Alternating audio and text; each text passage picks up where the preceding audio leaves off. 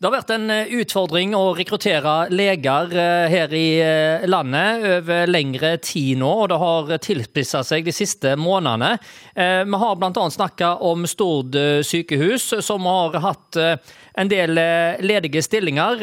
Mange som jobber der oppe, mener at situasjonen har vært kritisk. Og administrerende direktør i Helsefondet, Olav Klausen, dette er vel noe som du òg har måttet jobbe en del med?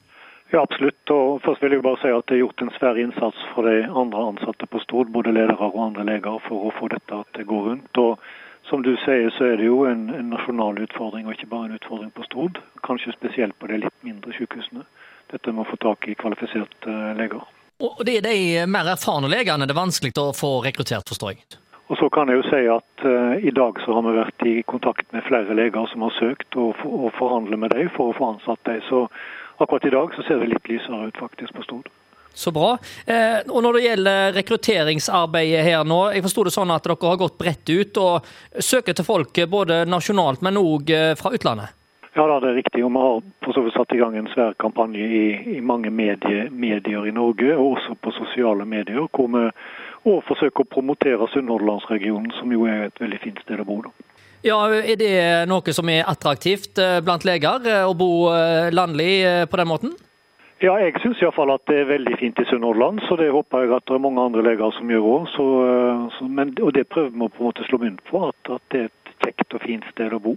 Og det er jo et relativt sentralt sted å bo, med gode flyforbindelser og andre kommunikasjoner.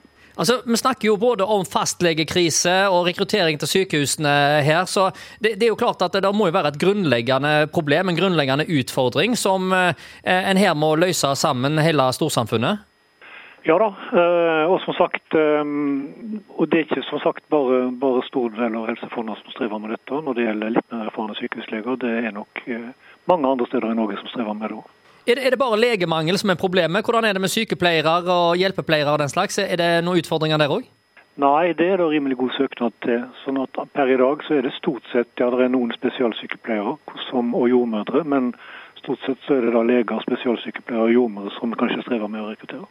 Og leger det vokser jo ikke på tre, for å si det sånt. Det, det, krever jo noen år utdannelse her. Eh, så, så å løse dette trenger ikke være noe quick fix?